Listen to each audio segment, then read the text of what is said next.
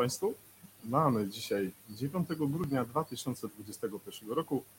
Ja nazywam się Jacek Borodek, a Państwo oglądacie i słuchacie kolejny już odcinek Nurdis Triget Live. Dzisiaj Nurdis Triget poświęcony bezpieczeństwu. Jak Państwo wiecie, szczególnie stali widzowie i słuchacze również, kolor zielony mojego, mojej koszulki oznacza, że właśnie temat poświęcony jest bezpieczeństwu. A jakie to dzisiaj będzie bezpieczeństwo i kto będzie naszym gościem, to już za chwilkę, chociaż w zapowiedzi naszego wydarzenia z pewnością wszyscy już y, zasięgnęli y, wiedzy i zdobyli te cenne informacje. Ale zanim oczywiście zaprosimy y, naszego gościa tutaj do studia, to pozwolicie, drodzy Państwo, że wszystkim bardzo podziękuję za to, że są z nami, że udostępniają informacje o naszym wydarzeniu, udostępniacie informacje za pośrednictwem mediów społecznościowych.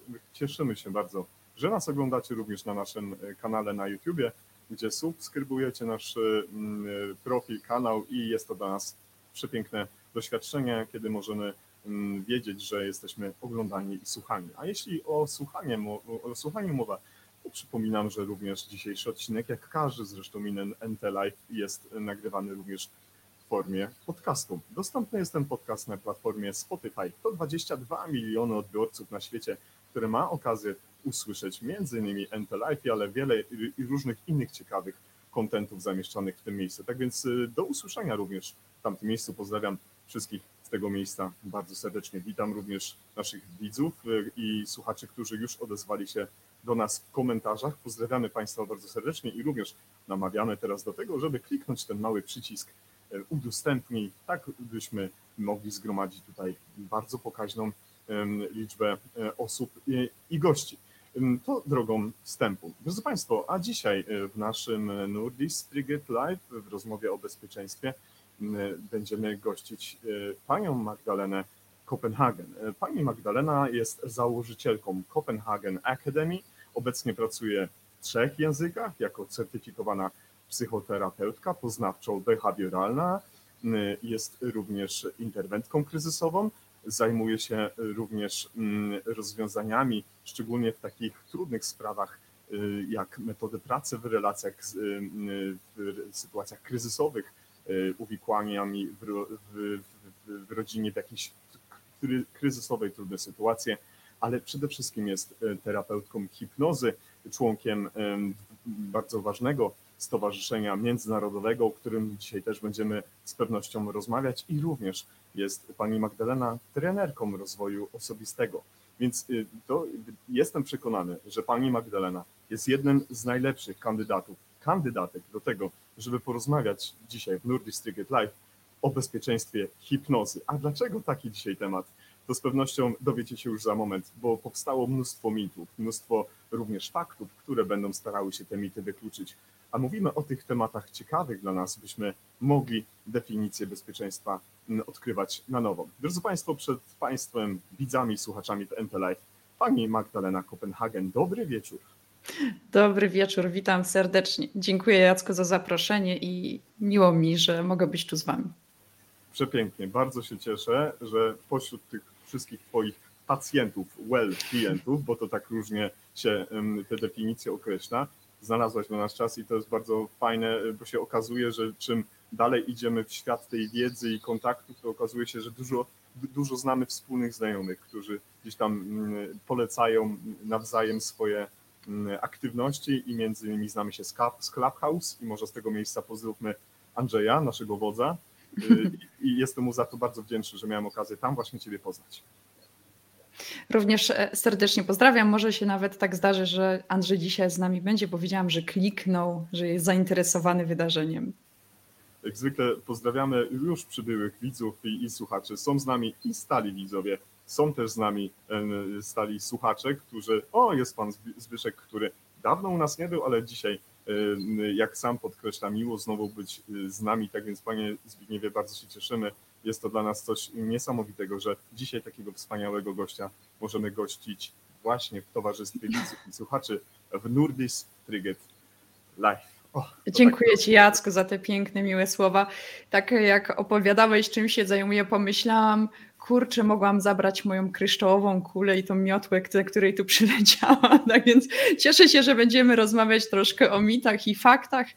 I faktycznie wśród, e, wokół tego tematu krąży wiele stereotypów, e, które tak naprawdę są związane ze strachem przed tym, co nieznane, ale okazuje się, że jest to najzwyklejsze narzędzie terapeutyczne.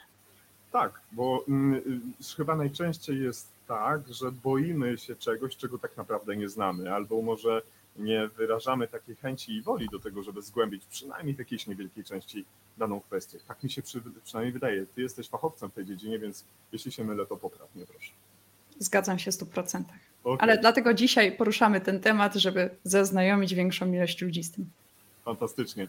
Mm, powiedz mi proszę, gdzie w tym momencie y, jesteś, z jakiego, mm, w jakim miejscu nas ugościłaś. Ja nie mówię co do y, numeru klatki i, i, i numeru drzwi, y, numeru na, na drzwiach wejściowych, ale w jakiej jesteśmy miejscowości, w jakim mieście, a może w jakim kraju, no bo jesteś mm, osobą, która dużo podróżuje i pracuje, tak jak powiedziałem na początku, w kilku językach. A dzisiaj gdzie wypadło? Dzisiaj jestem w domu, jestem w Warszawie, ale od niedawna tak naprawdę, ponieważ dopiero mm, pod koniec sierpnia przeprowadziłam się do Polski z powrotem po wielu, wielu latach e, na emigracji. Bo jesteś ze Śląska, jesteś y, y, z, z Zabrza, z Katowic, to są twoje miejsca, tak? Tak, jestem z Zabrze, dokładnie jesteś Zabrze. Znam parę osób z Zabrza, uważam y, wszystkie te osoby za wspaniałych kolegów, koleżanki, tak więc cieszę się, że do, tego, y, do tej grupy dołączyłaś. Pięknie. Ja się zawsze, zawsze się cieszę, że świętej pamięci znany lekarz Religa właśnie leczył i pierwszy przeszczep, bardzo znany przeszczep serca miał miejsce w Zabrzu, tak więc z tego jestem niezwykle dumna. No myślę, że tak, a szczególnie, że ten y, wyczyn, bo to tak należy powiedzieć, jest znane na całym świecie. Tak. Szczególnie to, to, to zdjęcie, ta fotografia kiedy leży pan po operacji, po transplantacji, a profesor no, styrany, jak, jak nie powiem kto odpoczywa. Mm. Cieszę się, że dotknęliśmy również tej kwestii, bo myślę, że o Śląsku troszeczkę dzisiaj jeszcze powiemy gdzieś tam w trakcie, ale zanim y, o tym będziemy rozmawiać, to pozwolisz, że takiego flagowca wyciągnę na stół y, i rzucę go przed tobą i bardzo bym prosił, żebyś mi odpowiedziała, moja droga, na pytanie, jaka jest Twoja definicja bezpieczeństwa? Oczywiście zastanawiałam się nad odpowiedzią na to pytanie i też sprowokowało mnie do przemyśleń, tak? Czym jest faktycznie, czy wejść w tą definicję, czy w ogóle co wiemy o bezpieczeństwie, czym jest dla mnie bezpieczeństwo. I zaczęłabym odpowiadać na to pytanie w ten sposób. Jacku, zdarzyło ci się lecieć już samolotem? Y, tak, tak, tak. Było to już kilka razy ten moment, y, który bardzo często większość z nas lekceważy, kiedy stewardesa, stewardess stoi na środku i tłumaczy, co zrobić w sytuacji zagrożenia życia. I jest taki moment, kiedy pokazuje maskę tlenową, która, która opada i mówi, że najpierw prosimy, żebyście Państwo założyli sobie maskę tlenową, a następnie osobie, osobie, która Wam towarzyszy, nawet jeżeli jest to dziecko. I tym jest właśnie dla mnie definicja bezpieczeństwa, czyli po pierwsze dbam o swoje bezpieczeństwo i potem osób, które mi towarzyszą z tego względu, że jeżeli mnie zabraknie tlenu, to ja nie jestem w stanie nikomu innemu już pomóc.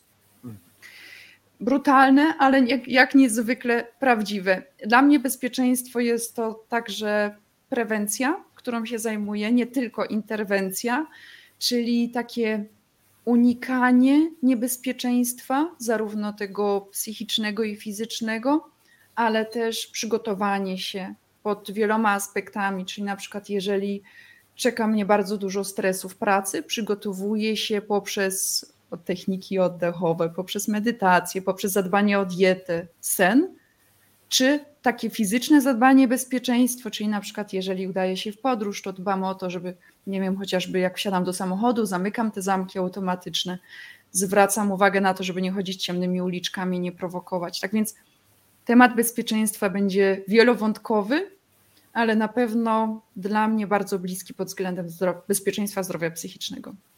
Fantastycznie. A dlaczego akurat takiego zdrowia? Bo jak powiedziałem na początku, jeszcze jesteś założycielką fantastycznego miejsca, gdzie y, nie tylko możemy dotknąć takich definicji czy, czy teorii jak terapia, coaching, hipnoza, warsztaty i szkolenia, ale właśnie przez te narzędzie, bo ja to tak, tak dla, dla takiego człowieka z ulicy są to narzędzia do tego, żeby osiągnąć to bezpieczeństwo i myślę, jestem przekonany, że w y, Copenhagen Academy, tak pięknie nazwanej, taki poziom bezpieczeństwa również można odzyskać. Zgadza się?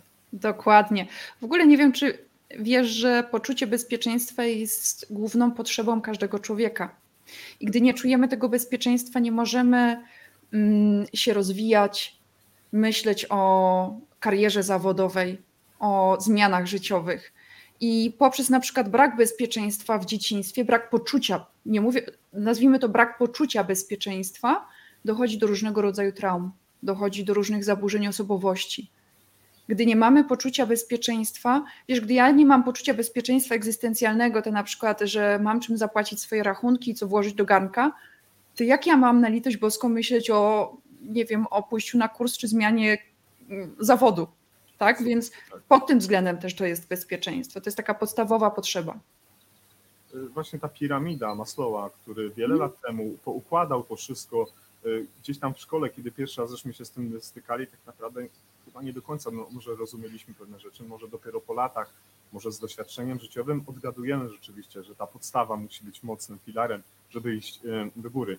No ale właśnie tu jedna mądra osoba, no ale też y, na, należy przytoczyć Buddę, no bo ty się y, kierujesz takim pięknym mottem, y, który na twojej stronie jest napisany właśnie w ten sposób. Jesteśmy tym, co o sobie myślimy. Wszystko, czym jesteśmy, wynika z naszych myśli. Naszymi myślami tworzymy świat. Y, I to mhm. powiedział Buddha, czy przekazał światu, y, no to to jest kolejna postać, wielka, ważna, nie tylko w filozofii rozumienia drugiego człowieka, ale jakby tworzenia filozofii samego siebie, żeby być nie wiem, bezpiecznym przez to, że czujemy się z sobą dobrze, prawda? Dokładnie. Nasza głowa słucha i czasami te pozornie niewinne żarty, które adresujemy e, do siebie pod tytułem a jak jestem beznadziejny, no sorry, no ale głowa słucha, jak jesteś no tak. beznadziejny, no to dlaczego ja mam w to wątpić, że jestem beznadziejny, nie? Tak więc tutaj um, i tymi myślami generalnie cała, e, duża część, może nie cała, ale terapia poznawczo-behawioralna opiera się właśnie na tym, żeby pokazać, jak ta nasza myśl ma wpływ na nasze reakcje, na nasze emocje. I jak ta myśl, na przykład ta automatyczna myśl, jak wstaję rano, myślę sobie, och, jestem taki napięty, dzisiaj na pewno się coś wydarzy, i co ja z tą myślą mogę zrobić, tak? Czyli jak mogę zmienić tor. Zobacz, Jacku, bo tak czy tak każdy z nas ze sobą sam gada. Niektórzy robią to na głos, to jest zdrowy objaw, od razu mówię, gadanie na głos ze sobą, to nic się nie dzieje. Gorzej, gdybyś, wiesz, jakbym mówiła, e, wiesz Kasiu, tutaj, no, to, to może mogłoby zaniepokoić, gdybym ja do wyimaginowanej osoby tu mówiła, ale jeżeli sama do siebie myślę na przykład, o, muszę jeszcze dzisiaj kupić e, marchewki, tak, na obiad. Jest to całkowicie zdrowe, skoro już to robimy, to czemu nie nadać temu kierunek, tak? Hmm. Czyli jak mamy tego chomika, który sobie lata na tym kółeczku, to wyjmijmy go z tego kółeczka i postawmy go tam, gdzie ma być. Fantastycznie.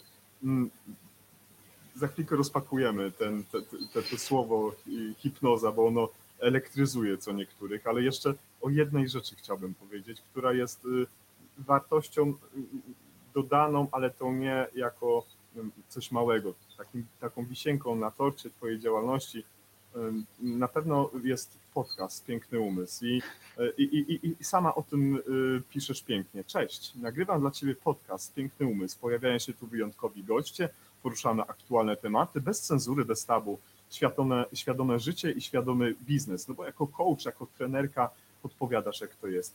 Co, czym jest ta wisienka na torcie dla Y, Copenhagen Academy, ten podcast Piękny Umysł? Powiem Ci, Jacku, zawsze zastanawiałam się, jak mogę dotrzeć do osób, które podziwiam, i wymyśliłam sobie, że zrobię to w formie podcastu. Z tego względu, że dało mi to możliwość dotarcia na przykład do Jacka Walkiewicza. Do Miłosza Brzezińskiego i do wielu innych cudownych gości, których, którzy zgodzili się ze mną porozmawiać, ale też Drugie założenie tego podcastu jest takie, że poruszam i staram się, teraz miałam dłuższą przerwę i wracam do tego, tematy czasem niewygodne. Mhm, mhm. Tematy, o których boimy się na głos rozmawiać i też mam taką misję, żeby pokazać, słuchaj, to jest zupełnie normalny temat, porozmawiajmy o tym. I chciałabym poprzez to też pokazać, że każdy z nas z czymś się boryka e, każdy z nas jest wyjątkowy i właśnie takie, takie normalne życie pokazać, tak? Czyli ja bardzo często zbieram pytania od moich obserwatorów i zadaję je moim gościom. Czy czerpiesz z tego coś dla siebie, czy jesteś tylko pomostem, przez który przeprowadzasz te osoby do tych, do tych ekspertów, czy kradniesz coś dla siebie i zapisujesz? O, to wiesz, dla mnie ogromna przyjemność. Jeszcze jak ktoś chce się ze mną spotkać osobiście, to jestem w stanie przez całą Polskę jechać, e, czy też nawet do innego kraju, ponieważ e, no jest to, jest to, nie ukrywam, przyjemność, tak? I też e, nie wiem, czy chociażby rozmawiając z Agatą Lywy, czy z Agnieszką Szerzyńską, które zajmują się, poruszają tematy intymności, czułam się po takiej rozmowie, jakbym miała darmowy coaching, nazwijmy to tak, więc to jest bardzo fajne, czy nawet jak z Miłoszem Brzezińskim rozmawiałam, jak wyłączyliśmy już kamerę, ja mówię, kurczę Miłosz, wiesz, cieszę się, że właśnie miałam tą możliwość, bo często pomiędzy pytaniami obserwatorów są moje pytania, tak? Więc oczywiście to jest taka duża zagadka, które jest pytanie moje, które jest moje, ale które jest kogoś, więc e, dzięki temu też przemycam swoją ciekawość i, i uzyskuję odpowiedź na to. Ekstra. Zapowiedzi i również w tych informacjach, które pojawiały się przez ostatnie kilka dni na naszych mediach społecznościowych, napisałem, ukradłem z Twojego bio, że jesteś członkinią bardzo elitarnej, bardzo ważnej organizacji, która rodem jest z New Hampshire i tam ona została założona w 1950 i, i, i ta organizacja zrzesza profesjonalnych specjalistów zajmujących się hipnozą terapeutyczną. Y, I, i mhm. ta, y, to stowarzyszenie, w dwóch zdaniach za chwilkę będę Cię prosił, żebyś coś na ten temat powiedziała, ale szef tego stowarzyszenia, niejaki Cole Benian, napisał na swojej stronie w ten sposób, że pierwszy raz spotkałem się z hipnozą już jako dziecko, słuchając swojej babci, jakichś sytuacji, jakichś historii, również brat, również wujek Y, był takim y, hypnotyzerem. To jak to się stało, że Magdalena Kopenhagen dotknęła tego tematu no i stała się certyfikowaną specjalistą w dziedzinie hipnozy terapeutycznej? Jaki był Twój początek? Jeszcze tylko opowiem odnośnie pana, którego wspomniałeś, Kolbenian. Jest autorem większości książek, które e, przeczytałam, które, z których się uczyłam właśnie hipnozy. Mhm. E, jest to jedno z większych nazwisk. Tak. A jak do tego doszło? Doszło do tego 12-15 lat temu. Mm, byłam na szkoleniu, które było poświęcone zupełnie innemu tematowi, a mianowicie byłam na szkoleniu z NLP. Jako ogromna przeciwniczka i sceptyczka. Roz, rozwiń, rozwiń ten skrót, bardzo cię proszę. E, neurolingwistyczne programowanie. Dziękuję. Mm, było, miało miejsce to w Polsce. I tak jak wspomniałam, ja byłam ogromnym przeciwnikiem. Stwierdziłam, że nie, tam w ogóle piorą, jest to pranie głowy, programowanie, manipulowanie. No ale mhm. dobra, wysłał mnie pracodawca, to idę, nie? Wiecie, jak to taki klasyk. Ja już po pierwszym dniu byłam tak zachwycona i pomyślałam, wow, ja dzięki temu mogę swoje tematy przepracować, ja nie potrzebuję lat terapii, jakie to jest fajne, tak. biorę dla siebie. I oczywiście jako dwudziestoparolatka stwierdziłam, będę pomagać innym. Droga okazała się trochę dłuższa niż plan e, pierwotny. E, zaczęłam właśnie od, od e, neurolingwistycznego programowania. Zrobiłam pierwszy stopień, czyli practitionera i potem miałam dłuższą przerwę, bo na podczas neurolingwistycznego programowania świętej pamięci, u świętej pamięci Marka Rożalskiego e, w Polsce mieliśmy elementy hipnozy, która mnie totalnie za, zahipnotyzowała, która zmieniła bardzo dużo w moim życiu. Miałam namacalne zmiany, takie jak na przykład ja bardzo długo nie utrzymywałam kontaktu z moim e, tatą. Mhm. I po tym, e, po paru hipnozach moje uczucia doszły do, tak się zneutralizowały, że wręcz zatęskniłam i chciałam tego kontaktu. Też e, na moich oczach ludzie, którzy mieli na przykład, nie wiem, alergię, łuszczycę, czyli wszystko takie choroby psychosomatyczne, zdrowieli. Więc tutaj nie było żadnego, wiesz, takiego, o, to jest specjalnie robione. Nie, to jest ustawione. To się działo. I zachwyciła mnie skuteczność tych dwóch technik, czyli połączenia neurolingwistycznego programowania i hipnozy ale to nie jest takie proste, tak jak mówię. Po czym e, stwierdziłam, ok, no to może zacznę to robić tak po kolei, czyli szkoła psychoterapii, Mhm. potem szkoła hipnozy, którą wszystkie te szkoły skończyłam już w Niemczech. I w Niemczech, żeby wykonywać w ogóle ten zawód i nazwać się terapeutą hipnozy, trzeba być psychoterapeutą, psychologiem lub lekarzem, na przykład psychiatrą. Tak więc to jest bardzo fajnie ustawami uregulowane. I w międzyczasie było właśnie szkoła psychoterapii, szkoła hipnozy. To też trochę tak jak e, Howard, tak? E, z Harry'ego Pottera trochę chodziłam i uczyliśmy się hipnozy, ćwiczyliśmy na sobie, więc e, dlaczego hipnoza? Dlatego, że uważam, że jest to bardzo efektywne narzędzie terapeutyczne i niestety nie dla wszystkich. Tutaj też Zbyszek zadał pytanie. O, o, o podatności i w ogóle też e, my dzielimy ludzi, no, których można zrobić sesję hipnozy, u, u niektórych nie. Są to przeciwwskazania zdrowotne, o których pewnie będziemy dzisiaj też rozmawiać. Z pewnością tak. Y, Panie Zbigniewie, dziękuję bardzo, że już Pan z tym pytaniem wystartował, chociaż nie ukrywam, że był ktoś szybszy, nasz stały widz, słuchacz, Pan doktor Lewandowski, który właśnie rozpoczął swój webinar o hematologii, bo jest lekarzem i wczoraj już napisał pytanie do Magdy, ono już poleciało i dzisiaj też y, umówiliśmy się na to, że to pytanie zostanie tutaj wyświetlone, padnie, przytoczone na antenie i będziemy mogli, Magda będzie mogła odpowiedzieć na to pytanie, ale, ale zajmiemy się tym za chwilkę, bo rzeczywiście y, y, chcielibyśmy jak najwięcej tych faktów przytoczyć i ewentualnych mitów obalić. Ale dwa zdania jeszcze na temat tej organizacji, bo ona jest bardzo ważna dla Ciebie, ale też jakby wnosi ogromnie dużo w świat wiedzy i w świat świadomości takiej, że hipnoza jest y, pełnoprawnym narzędziem terapeutycznym. I tak jak powiedziałem, od 1900, przepraszam, 50 chyba roku dokładnie, w, w, właśnie w Bostonie założona ta organizacja, na początku też nie mieli łatwo. Ja tam trochę też czytałem. Wydawało się, że to jakaś czarna magia i inne rzeczy. Przez te tyle lat zbudowali naprawdę ogromny kapitał zaufania. To ja teraz proszę, żebyś dwa zdania na temat tej organizacji powiedziała.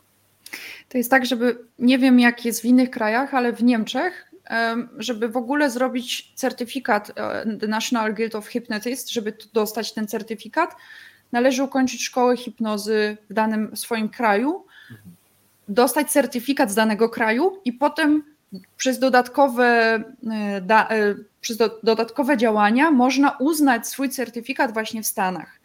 I to jest tak, że ja musiałam dostać zgodę mojej szkoły, która zaświadczyła, że ukończyłam kurs i zdałam egzamin, plus dodatkowo musiałam wysłać dokumentację, znaczy to weryfikowała moja szkoła w Niemczech, w Berlinie, weryfikowała e, sesje hipnozy, które przeprowadziłam. Rozumiem. Tak więc to jest na tej zasadzie jest to mm, robione, po czym dostaje się na jakiejś wie- wielkości A3, dostałam taki certyfikat ze Stanów Zjednoczonych z takim wielkim orłem, więc jest to niezwykle przyjemne. I no to też właśnie ten, to stowarzyszenie pokazuje, tak jak powiedziałeś, że nie jest to e, jakaś szarlataneria, tylko jest to faktycznie e, uregulowane i są pewne wymagania. Tak właśnie tego typu stowarzyszenia powstały po to, żeby pokazać ludziom, że jest to ok, że jest to coś, co może pomóc. Pozwolisz Magdaleno, że wkleję w tym momencie link do tej strony internetowej. Tam jest dużo informacji w języku angielskim, dosyć przystępnie. Ja nie ukrywam, że nie wiedząc nic w tym temacie, y, w miarę, y, w miarę łatwo udało mi się zgromadzić troszeczkę wiedzy tej podstawowej, żeby móc przygotować się do rozmowy y, z Magdaleną. No i tutaj znalazłem takie bardzo ciekawe coś i teraz to przytoczę i to niby będzie znaczyło, że taki mądry jestem, ale wcale nie. Jest, było napisane w jednym z tych miejsc, że hipnozę stosuje się na dwa podstawowe sposoby. Jako technikę terapeutyczną, i to rozumiem, albo jako kluczowy element strategii terapeutycznej. I tu ja już leżę. To wytłumacz na moja droga takim normalnym językiem, po co tak naprawdę ta hipnoza jest.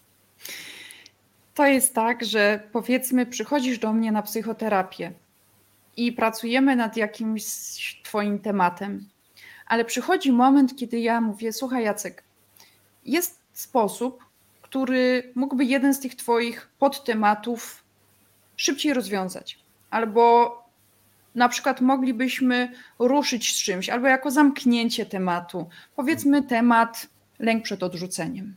Tak, czyli najpierw sobie przepracowujemy, to poznajemy siebie, znaczy ty poznajesz siebie lepiej, ale nie ma nic tak skutecznego jak hipnoza, czyli idziemy bardzo mocno uderzeniowo aż do korzeni. I w tym momencie jest to narzędzie terapeutyczne. Jest to po prostu to, ta część. A jeżeli chodzi o, jest, y, hip, można używać hipnozy jako hipnoterapii, czyli umawiamy się tylko stricte na hipnozy. I w tym momencie y, jest to seria hipnoz. Mhm. Czyli albo jest to element terapii, albo jest to stricte terapia. No i właśnie. Już by się chciało wyrzucić to tak bardzo mocno, jakie są wskazania do hipnozy i oczywiście zwrócić uwagę na to, że są odpowiednie przeciwwskazania, jak do każdego postępowania terapeutycznego. Tak, rozumiem. I z pewnością jest to tutaj, ale zanim jeszcze o to, chciałbym jeszcze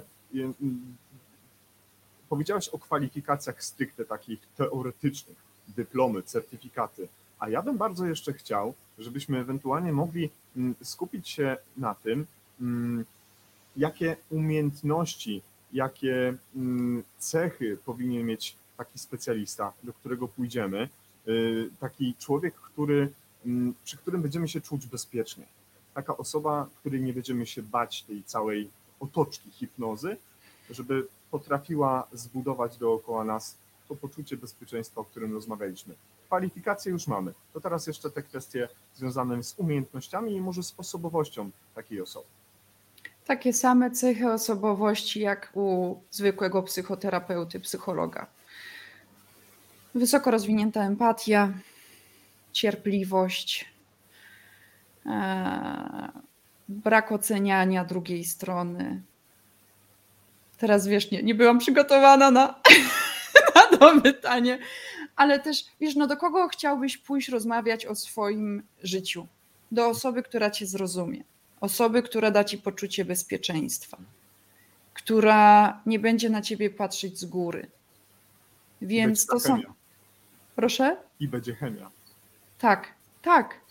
I to jest ważne, żeby takie, to dosłownie takie same cechy jak u zwykłego psychologa, co, które nam pozwolą, tak jak powiedziałeś, zaufać.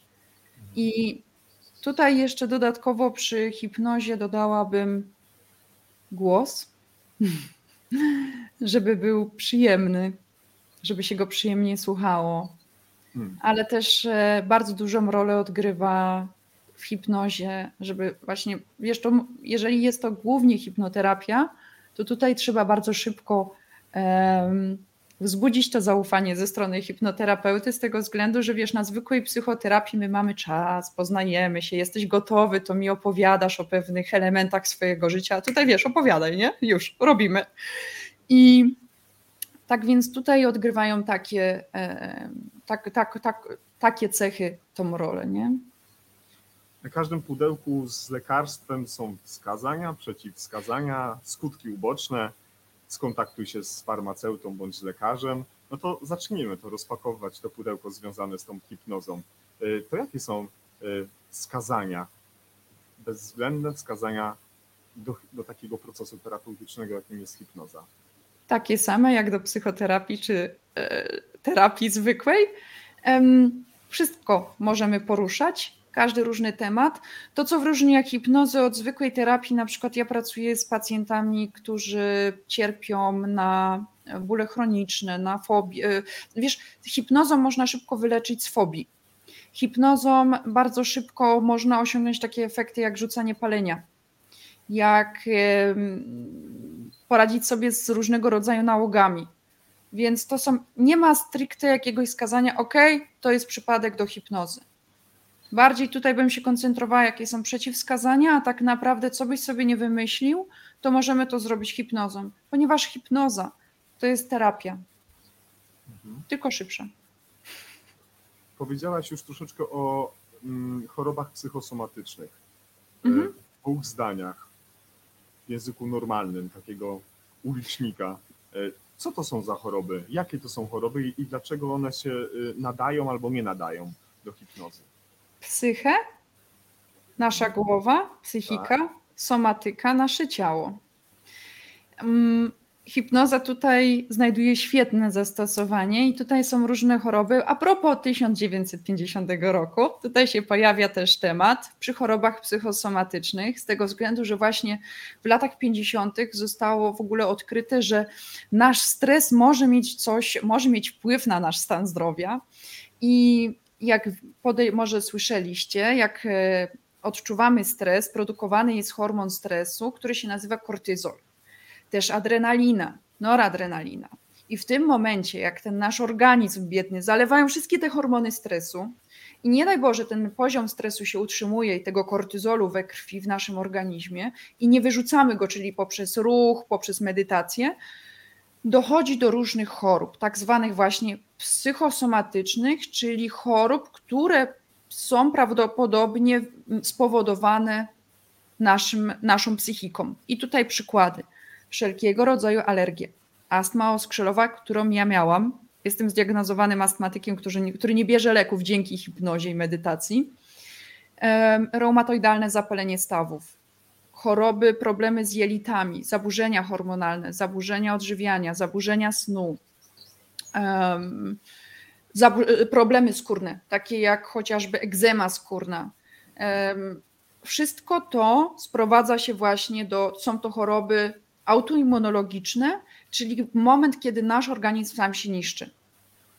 I tutaj hipnoza znajduje świetne zastosowanie, żeby szybciej pomóc wyjść. To tutaj jest nadzieja dla osób, którym lekarze mówią, nie ma już szans.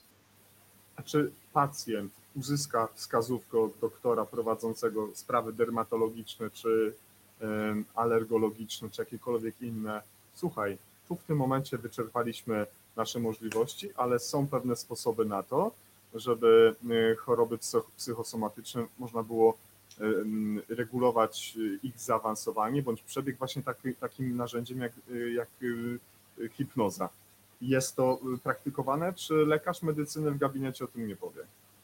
W Polsce rzadziej, aczkolwiek robimy postępy. W Niemczech jest to, na, jest to normalne, jest to na porządku dziennym, z tego względu, że ja współpracowałam z lekarzami, z gabinetami lekarskimi, od dentysty po lekarza ogólnego, po chirurgów, po kardiologów, gdzie mm, wiesz, przez to, że w Niemczech jest to narzędzie terapeutyczne, to jest to normalne i jest pełno gabinetów e, z terapeutami hipnozy.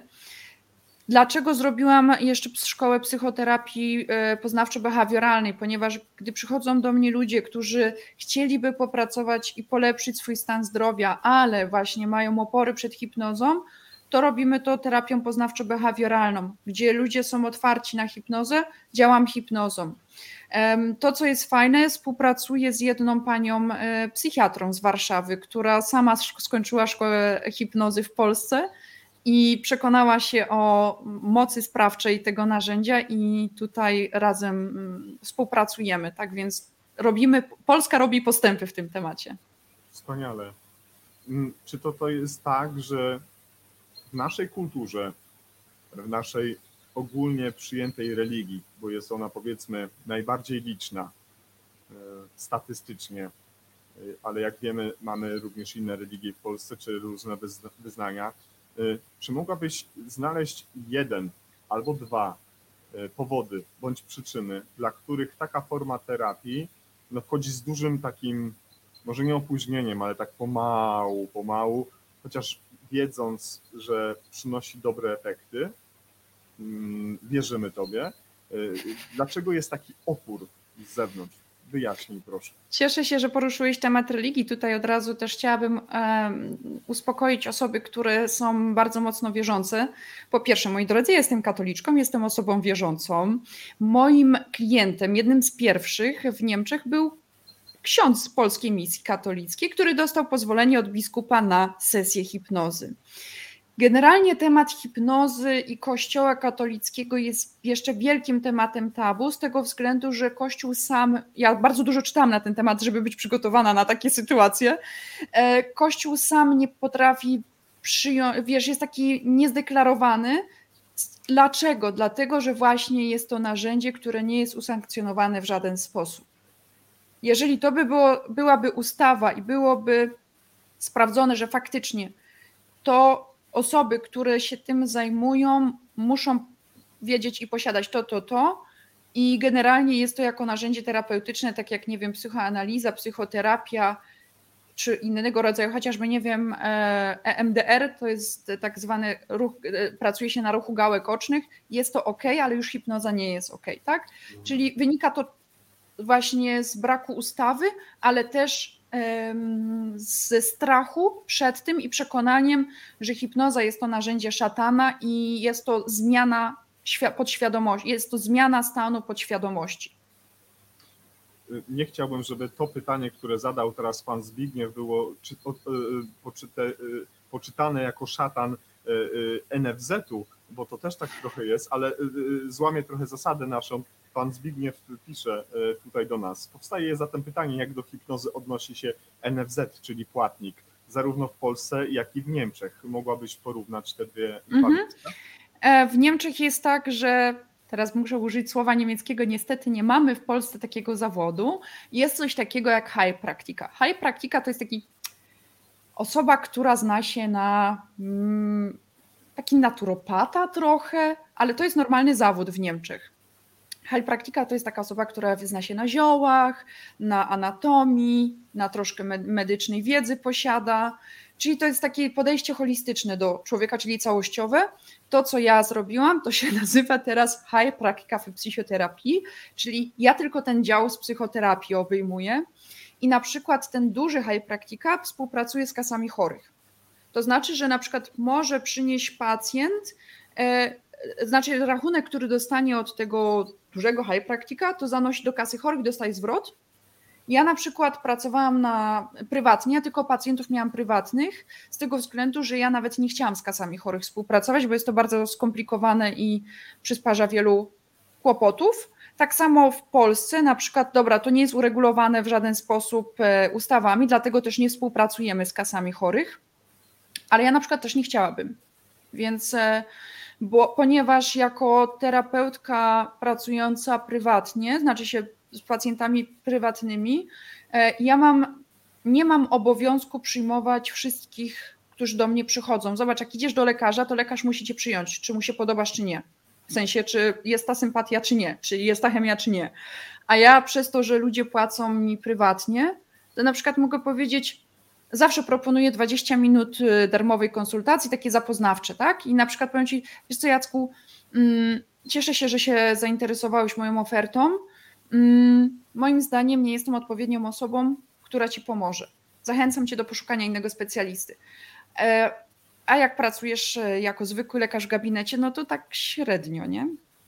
Tylko pytanie jest moje takie, czy po 20 minutach już jesteś w stanie powiedzieć, że jednak ja nie jestem we właściwym miejscu, albo ty nie jesteś właściwą osobą do Ogólnie tak, ogólnie tak, z tego względu, że jeżeli mi mówisz na przykład, e, chciałbym popracować, e, chciałbym, e, żebyś pomogła mojej mamie, która cierpi na demencję, to ja ci od razu powiem, wiesz co, to nie moja działka. Mhm. To po co masz tracić e, pieniądze na pierwszą wizytę terapeutyczną? To ja ci od razu powiem, sorry, nie zajmuję się tym. Albo na przykład ostatnio odmówiłam jednemu klientowi, który był tak roszczeniowy już e, w sposób, jaki ze mną rozmawiał, że ja na przykład nie mam ochoty na coś takiego. Wiesz, ja chcę pomagać ludziom, którzy tego chcą, a nie jeszcze starać się przekonywać, dlaczego masz przyjść do mnie. Rozumiem. No to teraz yy, chciałbym jeszcze przytoczyć jedno anglojęzyczne yy, słowo, dwa, które tworzą bardzo ważną rzecz z punktu widzenia wskazań i przeciwwskazań w, w tym procesie terapeutycznym, który nazywa się Holy Seven, czyli ta święta siódemka. Ona się dotyczy do czego, czego dokładnie, bo czasami ona w literaturze pada i to y, chciałbym, żebyś wyjaśniła, to są choroby, czy przeciwwskazania, czy wskazania do tego, żeby szczególnie y, poddać się hipnozie. Holy Seven to jest święta siódemka, to są choroby psychosomatyczne, o których mówiłam. To jest wszystko. To jest to i e, to są wskazania, oczywiście. Tutaj nie ma mowy o przeciwwskazaniach. Przeciwwskazania są, kiedy mamy choroby towarzyszące. Ale mhm. jeżeli ja wymieniłam jeszcze parę więcej chorób, bo Holy Seven, czyli to zostało stworzone w latach 50., tak. do dnia dzisiejszego zostało e, rozszerzone o inne problemy, na przykład właśnie o zaburzenia snu, które nie mamy w świętej siódemce, o zaburzenia hormonalne, które też wtedy nie było, czy zaburzenia odżywiania. Więc mhm. teraz jest, wiesz co, chociażby problemy mm, z grupy problemów kobiecych, Na przykład, jeżeli mamy temat, e, jak kobieta traci miesiączkę, albo spóźnia się, albo jest nieregularna, bolesna, to tutaj też właśnie dlatego zostało to uzupełnione o inne choroby. Rozumiem.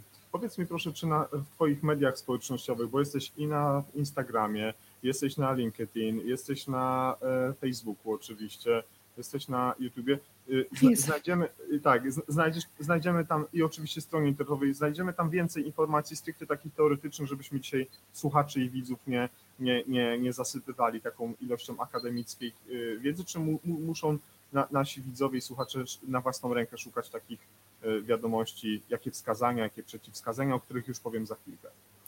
Są informacje. Na przykład też staram się regularnie e, wrzucać informacje na Instagrama. Stworzyłam też szablony na Instagramie, gdzie wypisuję, jakie są wskazania, jakie są przeciwwskazania, na co uważać. E, Nagrałam też jeden odcinek podcastu, e, który można znaleźć na YouTubie i też na mojej stronie internetowej, gdzie taki mm, opowiadam o takich podstawach, czym jest hipnoza, e, dla kogo jest hipnoza. Mm, Na mojej stronie internetowej też można, jest to wszystko wypisane.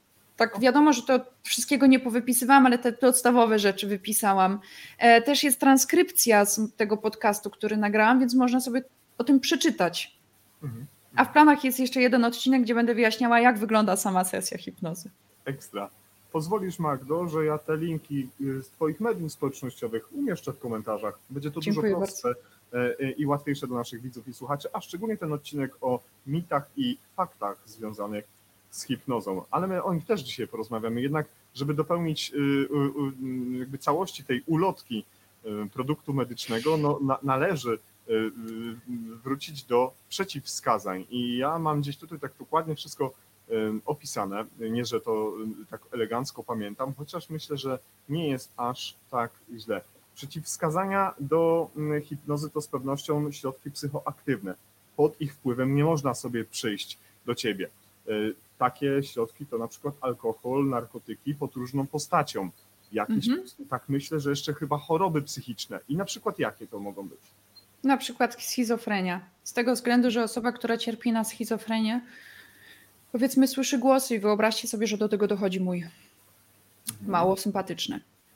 Em, różnego rodzaju e, ostre, zaznaczam, ostre stany w zaburzeniach osobowości. Też, na te, też w tych momentach nie robimy. Em, Nie stosuje się hipnozy w ciężkich depresjach, z tego względu, że ja poprzez trans hipnotyczny mogę pogorszyć stan pacjenta. Pracuję hipnozą przy lekkich i średnich depresjach. Tylko tu naprawdę trzeba wiedzieć, jak to zrobić, żeby właśnie nie pogorszyć stanu. Nie stosuje się przy epilepsji, z tego względu, że przez trans hipnotyczny i medytację jestem w stanie podnieść energię ciała do tego stopnia, że osoba, e, z którą pracuję, może mieć po prostu atak epilepsji. Mhm. Nie stosuje się dłuższych hipnoz e, u osób, które cierpią na cukrzycę. Krótsze owszem, tylko trzeba na przykład wziąć pod uwagę to, że jeżeli ja robię hipnozę, która trwa 90 minut, no to trzeba mieć tutaj na uwadze spadek insuliny we krwi. Mhm. To są takie Co ważniejsze. Jak wygląda kwestia kobiet w ciąży? Bo wiem, że o tym też mówiłaś i, i to też jest ważne. I wydaje mi, jestem przekonany, że słuchają nas panie, które może są w trakcie albo w przyszłości planują, a może zderzają się z taką potrzebą, by skorzystać z Twoich usług. E, To jest bardzo drażliwy temat, ale cieszę się, że go poruszyłeś. Jest wiele szkół, już, już mówię. Ale jeszcze zapomniałam wspomnieć, bo widziałam komentarz pod e, zapowiedzią odnośnie mm, wylewów. Y, I- Tak, tak, tak. Tutaj, tutaj też chcę powiedzieć, zanim dojdziemy do tego komentarza, że jednym z przeciwwskazań jest właśnie wylew. Z tego względu, że zmienia się struktura mózgu. I niestety osoba, która miała wylew, e, ja u takich osób nie robię. Właśnie to jest, wiesz, to wszystko, co ja mówię, to jest mm, szkoła niemiecka. I ja naprawdę uważam, że oni wiedzą, co robią. Mhm. I oczywiście każdy terapeuta podejmuje własne ryzyko. Tylko tyle, że ja wolę zrobić mniej, em, ponieważ tutaj temat bezpieczeństwa jest dla mnie najważniejszy, Twojego bezpieczeństwa. Rozumiem, że te epizody neurologiczne są związane zarówno z krwawieniem do centralnego układu nerwowego, jak i również niedokrwieniem jego róż, różnych obszar, tak zwanych udarów niedokrwiennych. I w tych, I w tych sytuacjach, które bezpośrednio zmieniają strukturę mózgu, y, to są przeciwwskazania do tego. Tak mam to rozumieć? Zostałam tak nauczona i ja wyznaję taką zasadę. Nie, chcę, nie chciałabym ryzykować. A co do kobiet w ciąży, są właśnie dwie szkoły. Um, Wspomniana pani psychiatra, którą w ogóle też e, serdecznie pozdrawiam i polecam, e, pani doktor Aleksandra Pięta. Oli celem jest praca z kobietami w ciąży właśnie hipnozą, szczególnie jeżeli chodzi o bezbolesne porody, o mm, podtrzymanie ciąży, ale więcej trzeba by było już się jej zapytać. I ja wierzę, że ona wie, co robi, ale też pamiętajmy, jest lekarzem. Mhm. Ja na przykład, e, nie będąc lekarzem, nie zajmując się tematem dzieci i młodzieży, ponieważ tylko pracuję z osobami dorosłymi, czasami robię wyjątki, tak ostatnio miałam dwóch piętnastolatków, ale to są naprawdę, kiedy wiem, że jest naprawdę wszystko w porządku i ta psychika jest stabilna. Um, ja bałabym się więc ja jestem trochę strachliwym hipnoterapeutą, z tego względu, że tutaj właśnie mam, moim priorytetem jest bezpieczeństwo. Jeżeli przeze mnie kobieta miałaby stracić dziecko, to ja takich rzeczy nie robię. Ale że wiem, wiem że są terapeuci, zajmują się tym.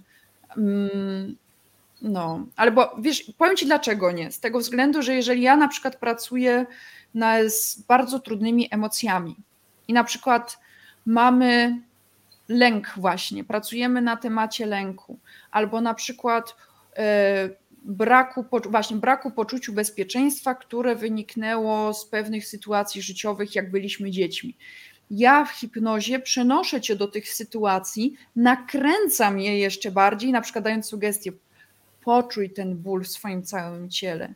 I w momencie, jak nabierzesz powietrza, zwiększ jego uczucie dwukrotnie, tak? I w tym wyobraź sobie, że mamy kobietę w ciąży i ona dostaje skurczy, bo tak zwiększyła ten lęk. Tak więc dla mnie to jest zbyt ryzykowne. Pracowałam, miałam jedną klientkę, którą była jedną z moich pierwszych klientek w Polsce i z nią owszem pracowałam, ale bardzo lekkimi transami hipnotycznymi, które miały na celu ją zrelaksować, bo była bardzo zestresowaną osobą. Mhm. Tak więc można, ale nie każdy rodzaj hipnozy, ponieważ hipnoza jest to bardzo duży dział i tam jest bardzo wiele procedur.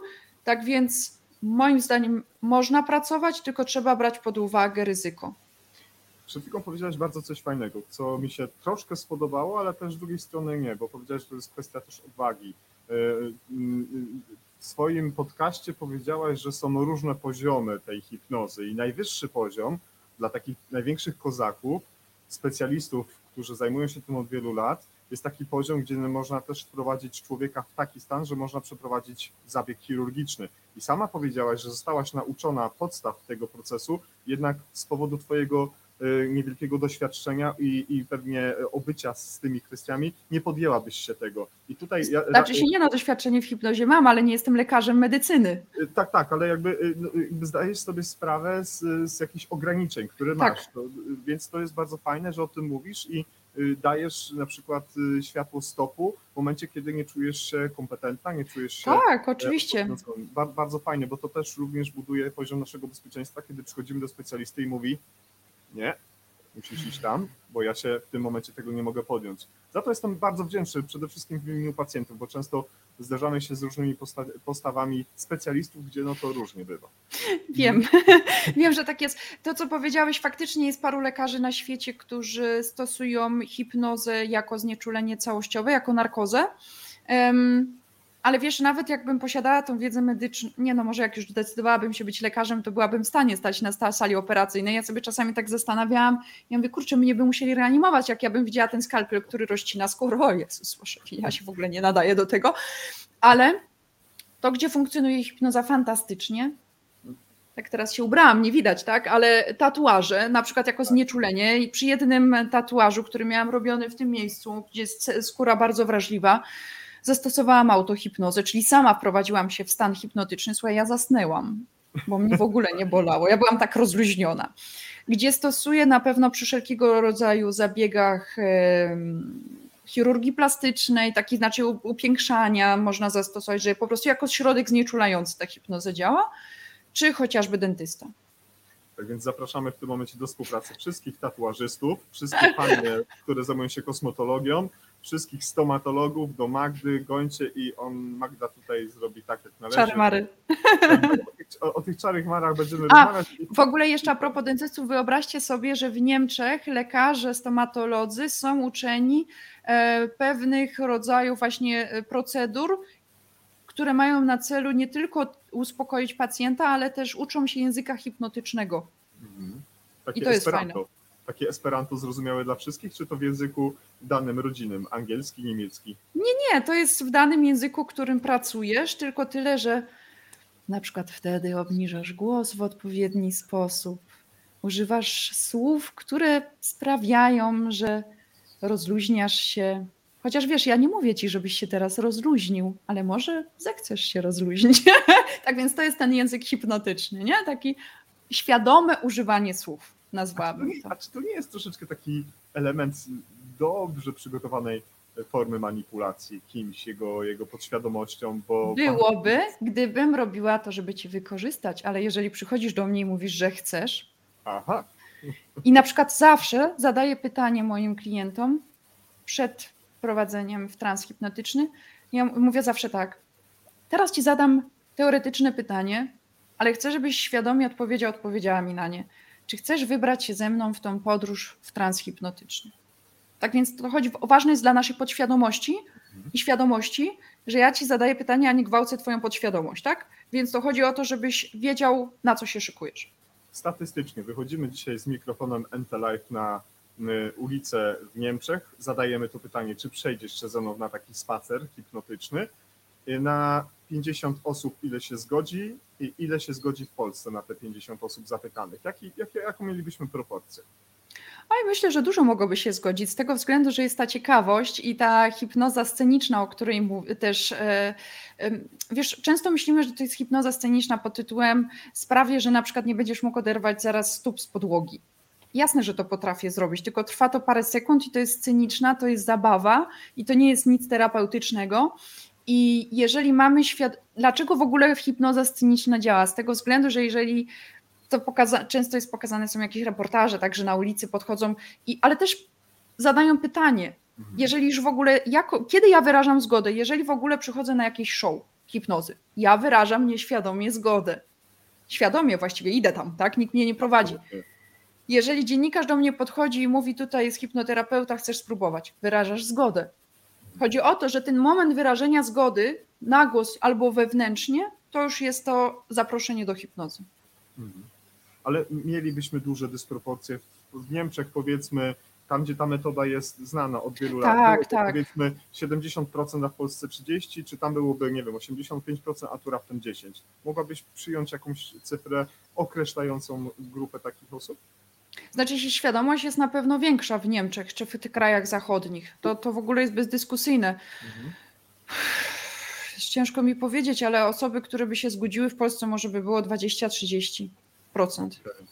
Y, Komentarz do naszej rozmowy jest bardzo krótki, bardzo prosty. Pan Zbigniew jest y, y, rezydentem Niemiec i tam pewnie mieszka i sobie funkcjonuje i napisał, że w tym tygodniu ma wizytę u dentysty, więc nie wiem, czy pod pachę weźmie y, hipnotyzerkę, hip, czy taką, takiego fachowca jak ciebie, y, czy już tam może jest w gabinecie taka osoba. Panie Zbigniewie, trzymamy kciuki, oby wizyta obyła się bez tych wszystkich ym, przykrych sytuacji. Panie Zbyszku, proponuję dać sobie taką sugestię, zanim pan pójdzie do tego dentysty. Z każdym dźwiękiem tego bzyczenia narzędzia dentystycznego rozluźniam się jeszcze bardziej i bardziej. Prosto. Dobre to jest, podoba mi się. Że Stawiam- dźwięk, dźwięk, dźwięk, dźwięk w gabinecie dentystycznym sprawia, że każda część mojego ciała rozluźnia się. Ja też chcę do dentysty niebawem, więc ja próbuję, ale mam nadzieję, że tych dźwięków nie będę musiał słyszeć. Stawiam tezę i, a, i zobaczmy, co pan Zbigniew na to. Y, Pan Zbigniew na to, ha, ha, ha. Oczywiście cieszę się, że jest na to y, y, przyzwolenie i relaksuje mnie ten dźwięk. No, A z- to, co a propos właśnie takiego zdania sobie sugestii, powiem Wam, znalazłam sposób na niedenerwowanie się, gdy stoję w korku, albo gdy korek spowoduje osoba, która nie posiada wysokich umiejętności prowadzenia samochodu, nazwijmy to tak. Ja sobie dałam w pewnym momencie taką sugestię, że te światła czerwone, które są przede mną, tych samochodów, sprawiają, że się rozluźniam. I wyobraźcie sobie, że potem za każdym razem, jak widziałam coś czerwonego, to mnie to rozluźniało. tak więc ja teraz, jak już stoję w korku, to sobie myślę, o jak fajnie. Napisała do nas pani Anna z komentarzem: Hipnoza jest bardzo ciekawym przeżyciem, e, może bardzo pomóc. Pani Anno, proszę napisać y, coś więcej na ten temat. Ewentualnie zachęcam do zadawania pytań Magdalenie, które już niebawem będą pojawiały się na naszej, y, na naszej antenie. Aczkolwiek ja chcę postawić pewną tezę, pewne stwierdzenie tutaj się pojawi na ekranie, a Magdalena odpowie tak, nie, nie wiem, whatever, co tam się zjawi. Magdzie ten, przerwie internet działania. To ja bardzo proszę, przeczytam to dla naszych słuchaczy na platformie Spotify. W trakcie sesji hipnotycznej mogą pojawić się nieoczekiwane, silne reakcje emocjonalne, takie jak płacz, drżenie ciała, spowolnienie ruchów, reakcje konwersyjne, spastyki wszelkiego rodzaju. Tak, nie, nie wiem, można. Tak, tak, zgadzam się w 100%. E, zawsze też e, obawy Obawy przed hipnozą są związane z tym, ja myślę, że tego nie powiedziałam e, w podcaście, to jest też dobre, żeby nadrobić, z tego względu, że dziękuję Ci bardzo. Zazwyczaj osoby, które przychodzą do mnie na pierwszy raz na sesję hipnozy, dokładnie dostają te informacje. E, dostają też e, akurat za mną teraz wiesz, kamera rozmywa, ale jest kanapa. Czasami e, pacjenci mają przyjemność bycia w moim salonie, ponieważ jest tam kanapa. Są niektóre sesje hipnozy, gdzie proszę pacjent, klienta, żeby się położył. Większość jest na e, siedząco, na pół siedząco na fotelu w gabinecie. Tak więc e, też zazwyczaj wkładam chusteczkę i mówię, zdarzyć się może, że będziesz płakać, ale to nie znaczy, że wychodzisz z hipnozy, po prostu ludzie w hipnozie ocierają swoje łzy i dalej pracujemy. Albo na przykład zdarza mi się bardzo często, ja takie mam czasami ja jako klientka objawy, że zaczynam się trząść. Mhm. E, zdarza się, że na przykład e, zaczyna burczeć w brzuchu. Ale to po prostu takie serenady, bo wiesz, no dzieje się magia w organizmie, ciało się zaczyna rozluźniać. Więc może się zdarzyć też, że zaczyna nas wszystko swędzić, albo że szybciej przełykamy ślinę, albo w ogóle nie przełykamy, więc to są takie w tą albo w tą stronę. Ja na przykład jak jestem w głębokiej hipnozie, to bardzo szybko przełykam ślinę i to, co się zdarza, e, właśnie jest, e, po czym ja rozpoznaję, że ktoś jest w bardzo głębokiej hipnozie, jest to przyspieszony ruch gałek ocznych. Po prostu to jest dokładnie ten sam jak w fazie snu REM, gdzie oczy latają, to wiem, że po prostu lecą tam obrazki. A czy to jest kwestia zblokowanych fal alfa? Generalnie wiesz, nie wiem. Tego akurat nie wiem, ale jak jesteśmy w hipnozie, bardzo często wchodzimy w falę teta, czyli bo te właśnie, najgłębokie. No bo właśnie często beta, alfa i w ogóle, czy dla nas, ja przepraszam, tak wrzuciłem to po prostu, ale czy dla nas, dla Twoich klientów, pacjentów, ważne są te wszystkie fale, jakieś kwestie związane z zapisami, z, z, z napięciami neurologicznymi i tak dalej. Ma to jakieś znaczenie dla nas, czy musimy tylko się jakby sugerować, jakie są wskazania i przeciwwskazania i czy w ogóle chcemy? Czy powinniśmy coś wiedzieć więcej, zanim przyjdziemy na taką hipnozę? Może przewertować kilka y, y, y, stron w jakimś podręczniku z neurofizjologii, czy raczej mamy się oddać Tobie? Wiesz co, wiedza nie zaszkodzi oczywiście, poszerzenie wiedzy, tylko trzeba uważać, żeby nie trafić na jakieś artykuły, które e, nas przestraszą albo um, które nie są autoryzowane w jakiś sposób, bo pamiętajmy, jest e, tak samo jak jest wielu, e, doro, jak, jak kurczę, teraz mam ten, zapomniałam polskiego słowa, e, takich domoros, o, domorosłych psychologów czy coachów, którzy pomagają innym nie mając odpowiednich kwalifikacji. Tak samo jest też z hipnozą i pamiętajmy, że to, co czytamy, trzeba weryfikować. Gdzie można poczytać? To, co ty zrobiłeś, Jacku. Y, udałeś się na stronę stricte poświęconej hipnozie. Ale to też jest fajny pomysł dla mnie, żeby właśnie więcej publikować na ten temat, e, gdzie będę umieszczała takie informacje. Bardzo ważne są fale. Ja na przykład jako psychoterapeutka używam fal i fale frekwencji mózgu, które pomagają, na przykład e, właśnie fale alfa. To są fale, które powodują większą koncentrację. Ja fal alfa używam, jak czegoś się uczę, czytam, polecam moim klientom, gdy chcą na przykład podnieść swoją kreatywność, koncentrację. fale teta, gdzie na przykład, żeby lepiej nam się spało. Y, fale teta zazwyczaj to są te fale, które usłyszymy w moim gabinecie, gdzieś tam muzyczka leci w tle, a ja już po prostu, wiesz, już to zaczyna mi się mój klient fajnie wyciszać, uspokajać, ten rozbiegany umysł zaczyna też zwalniać.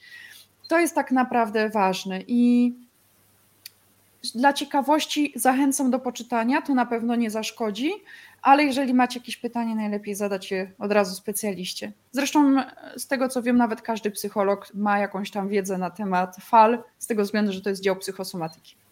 Absolutnie, tak, taka tylko ciekawostka, drodzy Państwo, o, o falach alfa słyszeliście wiele razy, bo słyszeliście, drodzy Państwo, o badaniu EEG, a badanie EEG zostało y, y, wymyślone i przygotowane po raz pierwszy i potem rekomendowa- rekomendowane przez y, Hansa Bergera. I, to też często się nazywają właśnie fale alfa, fale Bergera. Więc słyszeliście o falach EEG mnóstwo razy, to są właśnie te wszystkie szlaczki, kropki kreseczki, gdzie później ci ludzie to mierzą. Y, Wyszliśmy już troszeczkę o tych mitach i faktach i y, y, pewnie byłoby ich mnóstwo. Y, Absolutnie się y, y, pewnie z tym zgodzisz. A jakie są Twoje ulubione? Ulubione mity i fakty związane z hipnozą. No zacznijmy może o tych faktach. No, o prze, O, szkoda, ja chciałam powiedzieć, jakie mity mnie zawsze rozbrajają. Dobrze. To- Fakty, to- dobra. Dobra. O faktach Trzy było fakty. dzisiaj dużo i dla mnie najważniejszym faktem, który wiem, mogę powiedzieć z autopsji i z własnego doświadczenia na sobie i z pracy wieloletniej z moimi klientami, że jesteśmy w stanie osiągnąć szybsze efekty i wyjść z bólu i cierpienia, które towarzyszy nam latami. Mhm. I gdzie medycyna klasyczna rozkłada ręce, tam wiem, że hipnoza ma szansę pomóc. Nie jest to cudowny środek na wszystko, że machnę różdżką i to zadziała, ale jeżeli jest chęć, motywacja zmiany, tam hipnoza ma szansę zadziałać szybciej i efektywniej niż zwykła psychoterapia. I naprawdę mam niezbite dowody na to. Ostatnio moja pacjentka, która właśnie pani psychiatra poleciła mnie, dziewczy, dziewczynie tutaj z Warszawy, miała przez rok brała leki, hormony do terapii zastępczej, bo straciła okres. Miałyśmy trzy sesje hipnozy i jakiś czas temu napisała mi wiadomość, że okres jej wrócił. Przypadek, nie przypadek, nie dowiemy się. Ale fakt jest, że zaczął organizm znowu wracać do normy, zaczęło się wszystko wyrównywać. I to jest dla mnie najważniejszy fakt. No to dobrze, no to o faktach dużo już było dzisiaj. Ja jeszcze zaraz przytoczę jeden. E, Myślę, że jest faktem, ale, ale może tak brzmi jak mit, ale lecimy z mitami. Jak one są twoje ulubione, to zapraszam. Mi, mity hipnozy Magdaleny Kopenhagen. Em, czy zdradzę ci numer karty kredytowej i podam ci PIN? Ja mówię tak, no wiesz, jakby tak było, to byśmy pewnie teraz ze sobą nie rozmawiali. Mój gabinet w ogóle by nie istniał, a ten cały budynek należałby do mnie, ponieważ byłabym już tak obrzydliwie bogata.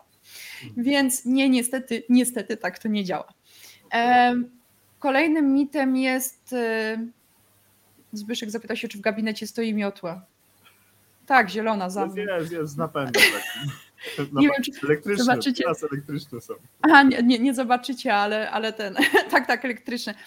Em, mitem jest to na pewno, że mm, zdradzicie mi fakty ze swojego życia, o których nie chcecie nikomu zdradzić. Tak to nie działa. W momencie, kiedy pracujemy na bardzo trudnych przeżyciach i ja widzę to poprzez objawy fizjonomiczne, fizjologiczne, nie fizjologia, to na przykład, dobra, fizjo, fizjonomiczne, fizjologiczne, wiemy o co chodzi, organizmu, że na przykład dochodzi do mocnego przeżywania emocjonalnego danego wspomnienia, zawsze zadaję pytanie w tym momencie, czy chcesz się ze mną podzielić tym, co właśnie widzisz albo przeżywasz tą sytuacją, czy wolisz zachować dla siebie? Nie zdarzyło mi się, żeby ktoś powiedział, że nie chce, ale daję tą możliwość. Czyli pamiętajcie, macie zawsze wolną wolę. Wasza podświadomość was uchroni. Tu dam wam przykład z mojego życia. Będąc w Londynie, bo skończyłam szkołę w Londynie i w Berlinie, jeżeli chodzi o hipnozę, studentka robiła, wykonywała na mnie jedno ćwiczenie, było związane z wyrzutami sumienia. No i zadaniem było, żeby, wiecie, pracować z klientami, warto przerobić na sobie dane procedury, więc no to to się tam szuka czegoś. Ja mówię, wiesz co, jak miałam 26 lat, wydarzyło się coś w moim życiu, z czego niekoniecznie jestem dumna. Nie? Jakieś tam wyrzuty sumienia są. Ja mówię, no to zróbmy to. Wszystko idziemy zgodnie z. Czyli to było jeszcze, zaznaczam, w Londynie, czyli w języku angielskim, gdzie można pomyśleć, dobra, nie, no nie język ojczysty, stres. Dziewczyna przeprowadza procedurę i mówi do mnie takie zdanie, to pamiętam. I, a, i pamiętałam, będąc w hipnozie, pamiętałam, mówi, i weź to doświadczenie z tego dnia, kiedy to i to się wydarzyło, i przenieś, niech te lata zaczną uciekać do czasu, gdy byłaś dzieckiem. Jej zadaniem było, żeby wziąć to wydarzenie i żebyśmy doszły do dnia dzisiejszego, pokręciły jej się formuły i cofnęła się nie w tą stronę, co trzeba. I nagle, jak działasz w mojej głowie, już miałam 17. Źle się czuję, bo to od razu ciało zaczyna reagować. Ja myślę, kurczę, chyba idzie to w złym kierunku. I będąc w głębokim transie hipnotycznym, powiedziałam zdanie: Bring me back, przyprowadź mnie z powrotem. Więc tak działa podświadomość. Okay. W momencie, jeżeli ja zaczynam wchodzić na tereny, które się Twojej podświadomości nie podobają, ludzie otwierają oczy i na przykład mówią już koniec. Rozumiem. Brzmi to, brzmi to nieźle. Z, y, jakiś jeszcze jeden mit, bo ja bym jedną rzecz chciał poruszyć, ale jestem ciekaw jeszcze ten trzeci mit, jaki najpopularniejszy jest. No, że na przykład powiesz mi, będę skakać jak na jednej nodze, albo będę zachowywać się jak kura, zacznę gdekać, zapomnę swojego imienia. Owszem, to jest tak zwana właśnie wspomniana przeze mnie hipnoza sceniczna, która nie, nie ma nic wspólnego z terapeutyczną i funkcjonuje tylko chwilkę. Mhm. Więc, um, aha, i mitem jest też, jak e, będę w hipnozie, zasnę, nie obudzę się. Nie, moi drodzy, w momencie, kiedy ja przestanę mówić i się może nawet zaśniecie przez przypadek, to po paru minutach, jak y, zakończę hipnozę, sami się wybudzicie. Można też przerwać, jeszcze tylko dokończę jedno zdanie, że można przerwać e, działanie hipnozy, jeżeli przestajecie, przestajecie, przestaniecie w nie wierzyć.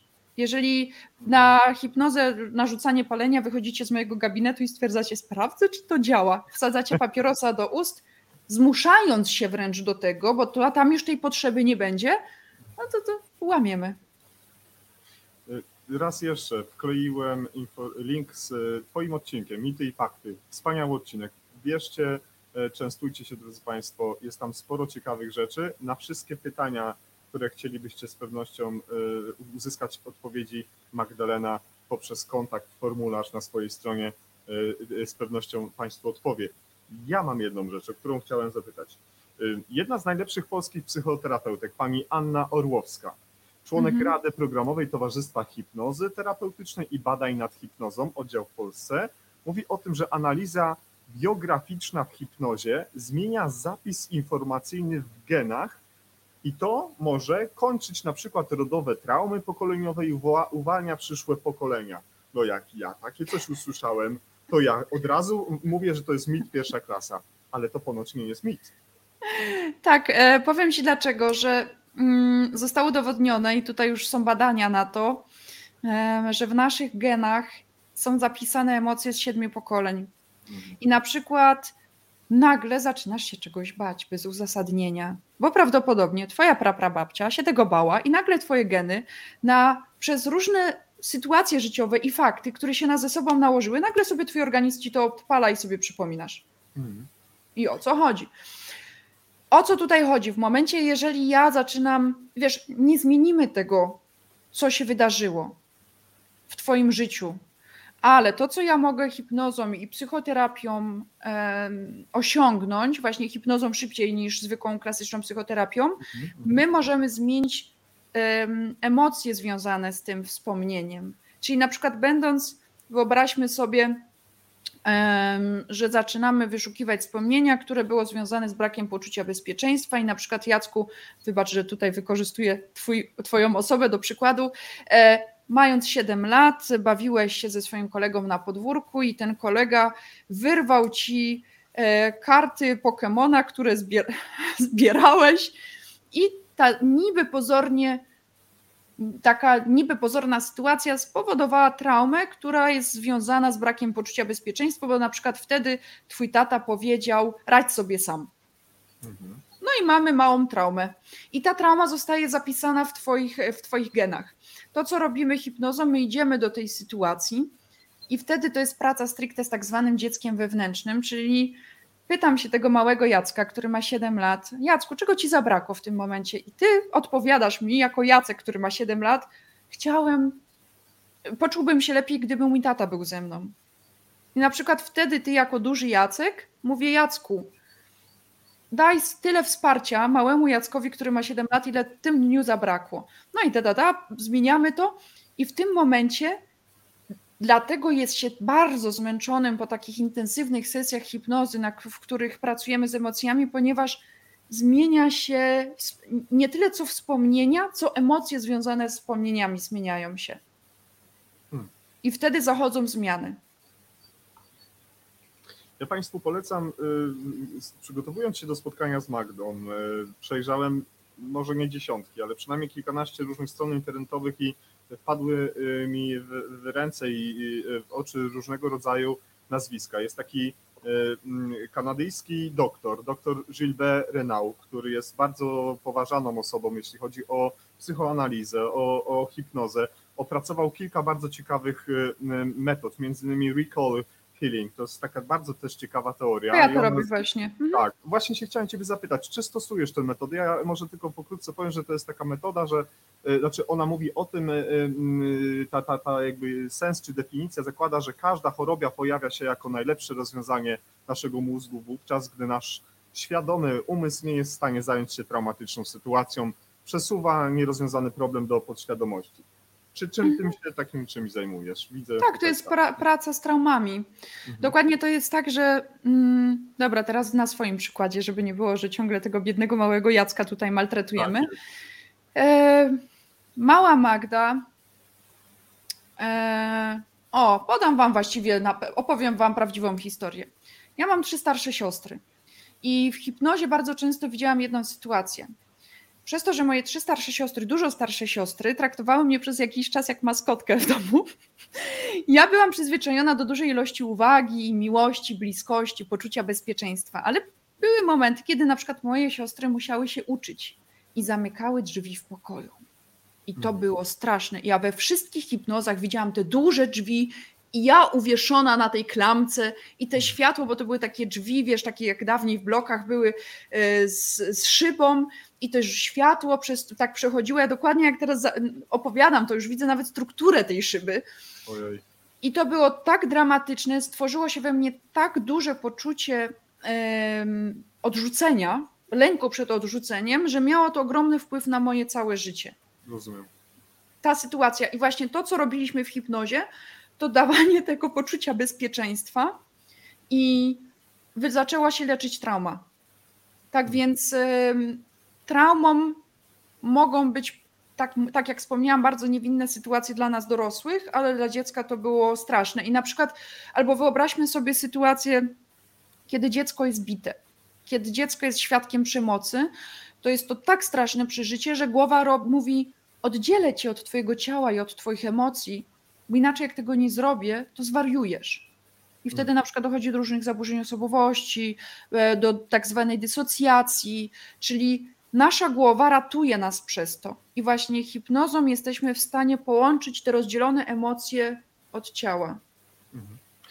Wiem, że masz dzisiaj bardzo ograniczony czas, więc teraz bardzo szybko przejdziemy do tych kilku pytań, jakie nam się pojawiły. Odnośnie pytania, które zadał pan Grzegorz Lewandowski, który jest lekarzem, już żeśmy powiedzieli. Panie Grzegorzu, pacjenci po epizodach neurologicznych, po krwawieniach bądź nie, po, bo, bo niedokrwieniach no, nie, nie, nie są poddawani hipnozie. Tak możemy to ocenić? Wiesz co, ja bym pracowała z, mm, z in, różnymi innymi technikami.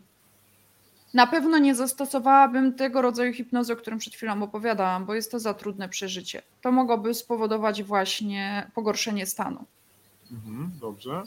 Y, pan Zbyszek, który dzisiaj jest bardzo aktywny i cieszy mnie to i nie ukrywam Pani Zbigniewie, że tęskniliśmy za Panem. Y, nasuwa się Panu pytanie, czy jest podział osób, które są bardziej podatne na tak. hipnozę i osoby, które jednak y, są bardziej odporne? E, rzekłabym nawet, że jest procent, e, odsetek ludzi, e, którzy w ogóle są niepodatni na hipnozę. Jest to około 20% naszego społeczeństwa. Osoby wysoko analityczne są odporne na hipnozę. Jest to związane z tym, że jeżeli ja ciągle analizuję, to też jest mi ciężko i, i trudno się zrelaksować w tym momencie. Dlatego też, jeżeli trafia mi się ktoś, kto mówi: Słuchaj, chcę doświadczyć hipnozy, ale widzę i czuję i słyszę, że jest osobą wysokoanalityczną, w tym momencie zaczynamy pracować w technikami relaksacyjnymi, zanim do tej hipnozy dochodzi. Ale też są ludzie, którzy na przykład mówią: e, Słuchaj, ja nie chcę, nie wierzę w to. To jest też ta grupa ludzi, która nie jest podatna, bo tak jak już wiecie, żeby wejść w stan hipnozy, trzeba chcieć, trzeba wyrazić zgodę, bo jeżeli wy się będziecie bronić rękami i nogami przed tym, na pewno w, tą, w ten trans hipnotyczny nie wejdziecie. Okej, okay. pan, pan Zbigniew jeszcze zapytał y, odnośnie wykorzystania metody przy nauce i języków. Ja znam odpowiedź, ale tu musi ekspert odpowiedzieć, ekspertka. Oczywiście. Oczywiście można. Tak. Poprzez też ja na przykład łączę to z, z terapią poznawczo-behawioralną, Łączy to z falami, frekwencjami mózgu, uczy różnych technik, takich też sappingu i takich różnych czary mary wtedy robimy, które przyspieszają. Ale jeżeli chodzi o naukę języków obcych, tutaj bardzo e, lubię pracować z przekonaniami, czyli w terapii poznawczo-behawioralnej. Pani Anna Sikorska, która e, Ciebie bardzo serdecznie pozdrawia i napisała też bardzo piękny komentarz, który za sekundkę napisała takie słowa. Hipnoza pozwoliła mi przeżyć to, czego nie mogłam zrobić przez wiele lat i faktycznie emocje towarzyszące są bardzo mocne, ale po mm, wyprowadzeniu ja czułam się lepiej. Proszę, e, może też się odnieść do tego komentarza. Dziękuję Ci, Aniu, za Twoje zaufanie i cieszę się, że jest lepiej. E, pani Anna napisała, oddać się Magdalenie Kopenhagen i zaufać jej w 100%. Ja bym nawet dołożył jeszcze 50%, bo to jest coś niesamowitego. Jest on, jest, dotarł do nas, jest on. Andrzej Kruczyński, na, na, nasz wódz, serdecznie Cię Andrzeju pozdrawiamy raz jeszcze. Na początku były w Twoim kierunku y, słowa zrzucone. Y, y, jesteśmy Tobie wdzięczni za to, że przez Clubhouse, przez Twoją osobę żeśmy się poznali. Magdaleno, zanim Ciebie wypuszczę, tradycją już jest, że każdy nasz odcinek Nurdi Strigget Light jest opatrzony fotografią, plakatem, grafiką, który rysowany jest przez naszego pokładowego rysownika Majka z Górskiej Chaty. I tak więc dzisiaj pojawi się ten rysunek. On poleci zaraz do ciebie na skrzynkę. Proszę wydrukować i powiesić w swoim gabinecie. Chciałaś mieć, e, chciałaś mieć e, moja droga, wahadełko, będzie wahadełko. To jest coś, to jest coś, co jest dla ciebie. Osoba Majka to jest właśnie ten gość, tak wygląda, a tu mu właśnie przeprowadzasz hipnozę. E, I ja tylko naszym słuchaczom na Spotify i nie tylko, tak dla wyobraźni jest nasz Mike, e, damska ręka, bez tatuaży. Mike, musisz to poprawić, e, trzyma wahadełko i Mike odpowiada, tak, oczywiście, masz rację, nie potrzebuję kolejnego kowadła. Proszę o komentarz, czy to tak może wyglądać w oczach ludzi, którzy do Ciebie przychodzą? E, tak, znaczy się ja nie używam wahadełka, ale można używać i na przykład e, chociażby te znane patrzenie się długo w ogień świecy, czy metronom, czyli urządzenie do wystukiwania taktu dla osób, które są muzykami. Tak więc tego można używać, ale nie jest to konieczne do wprowadzenia w stan hipnotyczny. Fantastycznie. Y, ostatnie pytanie pojawiło się mm, od pana Zbigniewa. Y, Mike, dziękujemy, pozdrawiamy Cię. Wiemy, że w ostatnim czasie różne rzeczy się u Ciebie dzieją, ale bądź zdrowy. Zdrów i dziękujemy Tobie za Twoje rysunki, które y, od półtora roku wpadają na nasze skrzynki. Jesteś dla nas wartością ogromnie wielką dodaną. Krótkie pytanie od Pana Zbigniewa, ostatnie. Czy hipnoza online jest możliwa? Ja celowo to nie pytałem, bo jest dużo na Twojej stronie, ale proszę. Jest możliwa, ale nie robię każdej. Nie robię na pewno tej bardzo głębokiej i długiej. To, co ja robię przez internet, to na pewno na przykład rzucanie, hipnoza na rzucanie palenia, różne hipnozy relaksacyjne, albo na przykład jeżeli już ktoś mnie zna, ja kogoś znam, jesteśmy w trakcie terapii, wtedy decydujemy się na hipnozę online, ale tylko w tych momentach, kiedy twoja głowa już mnie zna i mi ufa. Mm -hmm. No dobrze, to jeszcze zaproś naszych widzów i słuchaczy do dzisiejszego wydarzenia u Ciebie, które będzie na twoim, na, na Tak, na pewno. profilu. Na pewno dzisiaj, a szczególnie w niedzielę z Andrzejem Wodzem Kruczyńskim, który się tutaj pojawił, z Andrzejem w niedzielę o godzinie 19 na stronie Fundacji Zaginieni, gdzie jestem wolontariuszką. Będziemy rozmawiać o e, trudnych sytuacjach, o interwencjach kryzysowych. Mm, Tam zobaczycie mnie bardziej jako zwykłą terapeutkę interwenta kryzysowego. A dzisiaj będziemy rozmawiać o godzinie 21 z Radkiem Rzemo. Będziemy mieć wyjątkowego gościa, będziemy mieć mistrza kickboxingu, tak więc serdecznie również zapraszam. Wspaniale.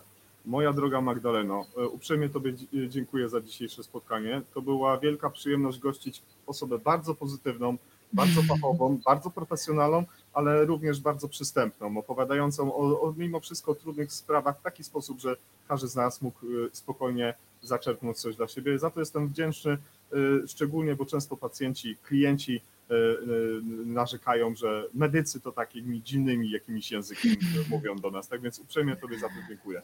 Dziękuję bardzo. Dziękuję Wam, że tak aktywnie braliście udział. Dziękuję Tobie, Jacku, za zaproszenie.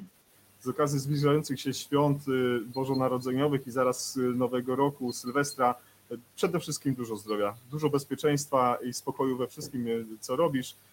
I, i mam nadzieję, że y, do szybkiego zobaczenia już, już na żywo, gdziekolwiek to będzie. Dziękuję bardzo, a Wam wszystkim i Tobie, Jacku, dużo miłości i dużo zdrowia. Dziękujemy Dziękuję. bardzo. Drodzy Państwa, dzisiejsze wydanie Nordic Triget Live dobiegło końca, 19.20. Pozdrawiamy wszystkich słuchaczy na Spotify, pozdrawiamy wszystkich widzów, którzy dzisiaj y, dołączyli do nas na żywo, ale odsyłamy również wszystkich do naszych bibliotek na Facebooku i YouTubie. Tak więc y, żegnamy się z, naszym, z naszą gościnią, dzisiaj panią Magdaleną Kopenhagen z Copenhagen Academy, która jest trenerką, coachem, psychoanalityczką i ekspertem w dziedzinie hipnozy. Ja nazywam się Jacek Borowiak, a to był kolejny odcinek Nordic Triget Live. Pozdrawiam i macham do Państwa bardzo ciepło.